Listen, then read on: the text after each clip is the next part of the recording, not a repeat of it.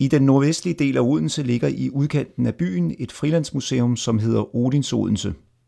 Jeg har Jernalderlandsbyens leder, Annette Bøge Hulvej, i telefonen, og Annette, kan du prøve at fortælle lytterne, hvad kan man egentlig opleve i Odins Odense?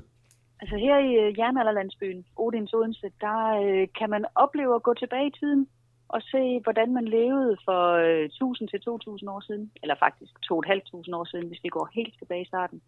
For vi viser hele jernalderen, så tiden fra 500 før Kristi og så til omkring 1000 efter.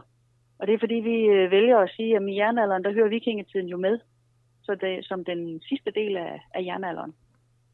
Og man kan komme ind i husene, som er rekonstruerede huse, hvor man kan se, jamen sådan boede de. Og så er der også en lille guide, man kan læse, så man kan få lidt mere fakta. Hvis man så er heldig, så er man en af de vores levende dage, hvor der er bemanding i husene, sådan så der er folk i dragter, så man kan opleve livet og komme ind til et bål, der er tændt, og nogen, der sidder og laver mad og måske laver nogle forskellige håndværk. Man kan også komme på stille dage, hvor man mere skal gå på oplevelse selv, men det kan man sådan se på vores hjemmeside, hvilken type dag det er, når man har tid til at, at komme på besøg herovre. Hvad er det, øh, du synes, der gør jernalderen så interessant?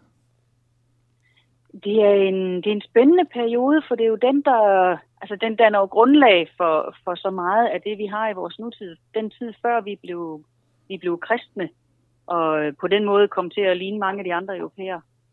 Og så er det jo også, øh, jeg synes det er spændende, fordi vi, der bliver fundet så meget nede i jorden, som viser noget om, om den tid, der blev levet før.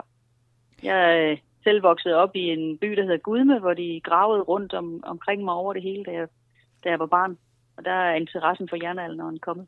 Så det er nok derfor, jeg sådan nørder ekstra meget med lige den periode. Ja, man kan sige, at i en overgang, så var der måske ikke så stor interesse for, for jernalderen, som der er nu. Altså, øh, på et tidspunkt, så lå tiden jernalderen måske indklemt mellem øh, bronzealderen og, og vikingtiden, som altid har været interessant. Altså, føler du, at der er blevet større interesse for, for jernalderen? Ja, jeg synes, det er kommet med. Altså, hvis jeg stadigvæk sige, at øh, den her fantastiske serie, der var i fjernsynet, omkring vores historie, der var der jo ikke mange minutter til jernalderen, men øh, rigtig meget tid til bronzealder og vikingetid. Men, men jeg synes, at, at det begynder at hjælpe, at folk har fået øjnene op for, at det er jo en spændende periode, og så er det jo også en meget lang periode. Og så er det også øh, en periode, som vi faktisk ved rigtig meget om, fordi der er fundet rigtig mange ting fra jernalderen. Også øh, at tøjet og de genstande, de havde og sådan noget, så man kan vide meget om det. Det man ikke har, det er, man har ikke ret mange skriftlige kilder, og det er måske derfor, den, den ikke bliver omtalt så meget, fordi det er lettere, når man har noget, noget skrift om, hvordan de levede og sådan noget. Nu nævnte du, at øh, det er en forening, der står bag. Det vil sige, at der er både øh, ansatte i Jernalderlandsbyen, og så øh, en masse frivillige. Ja, vi er en, øh, en almennyttig forening, der simpelthen er sat til verden for, at det her sted det skal overleve. Og indtil for nogle måneder siden, der var jeg alene ansat, og så med en masse dejlige frivillige.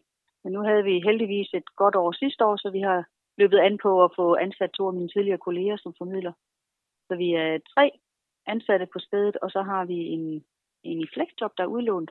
Men ellers så er det simpelthen frivillige kræfter, der driver stedet. Og vi er oppe på at have ja, tæt på 100 frivillige, der kommer. Nogle de kommer en gang om ugen, og andre de kommer måske kun en gang om året, men der, der er mange hænder, der hjælper til. Og det er jo skønt. Og man kan gå ind på jeres øh, hjemmeside og, og, og se mere omkring øh, Jernalderlandsbyen, og den hedder? Den hedder odinsodense.dk. Og vi har også en Facebook-side, hvor man også kan følge med i, hvad der sker herude. Og man kan også melde sig og blive frivillig selv. Ja, det kan man selvfølgelig. Jeg var faktisk inde og kigge på hjemmesiden, og så beder jeg mærke i, at man også øh, kan holde ferie hos jer, altså bo i Jernalderlandsbyen. Ja, det er, det er her om sommeren, at vi gør det. det. Det er jo lidt for koldt at bo i husene i vinterhalvåret. Så det er i sommerferien, at der kan man bo herude. Der kan man prøve en, en uge i fortiden. Og hvis man så har prøvet det og er blevet medlem, så kan man også bo i nogle af weekenderne. Men indtil videre, så er weekenderne kun for vores medlemmer, fordi det, det kræver alligevel en del oplæring at, at hoppe ind i livet, som det var for 2000 år siden. Så derfor vil vi helst gøre det med, med start i en uge. Og hvis man, øh, hvis man kaster sig ud i det og ikke har prøvet det før, så de første par dage, det er lidt hårdt.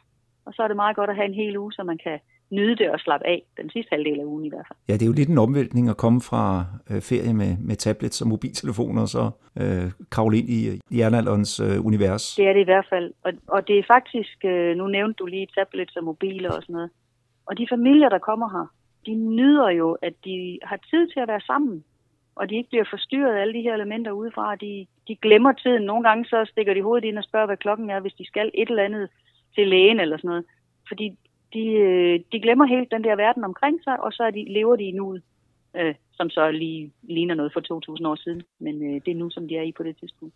Og der er rigtig mange familier, der, der kommer igen, fordi de øh, nyder den oplevelse. Øh, hvad har I arrangementer i øh, Odins Odense? Vi prøver at have et lidt større arrangement, cirka en gang om måneden. Det er næsten altid den tredje weekend i måneden. Og nogle af dem, vi sådan har, der er faste, det er i maj måned, der har vi altid vores store jernaldermarked. Og der kommer der øh, jernalderfolk og vikinger fra hele landet og viser deres håndværk frem, og der er krigere, der slås, og rovfugle opvisning og bueskydning og mange andre spændende ting. Så har vi også øh, en skjaldefestival i august måned, hvor vi lægger vægt på, jamen, hvad, hvad lavede de her folk, ud over det hårde slid? Havde de også underholdning dengang? Og der har vi øh, alle mulige skjalde forbi, der synger og fortæller og spiller musik. Og også gøjler lidt, fordi det gjorde en skjald også i, i fortiden. Og så har vi også øh, vores håndværkerdag i september, og vi har julelandsby i december, så der, der sker mange forskellige ting herude. Der sker lidt hele året. Har I åbent hele året? Vi har lukket i øh, perioden fra øh, midt i december og så til og med vinter, eller til vinterferien. Så starter vi sådan så småt op i vinterferien, og der har vi så efter vinterferien åbent i weekenderne. Og så øh, begynder vi at have åbent i hverdagen, når vi når hen i sommerhalvåret. Sagde jernalderlandsbyen Odin Odenses leder Annette Bøge Hulvej.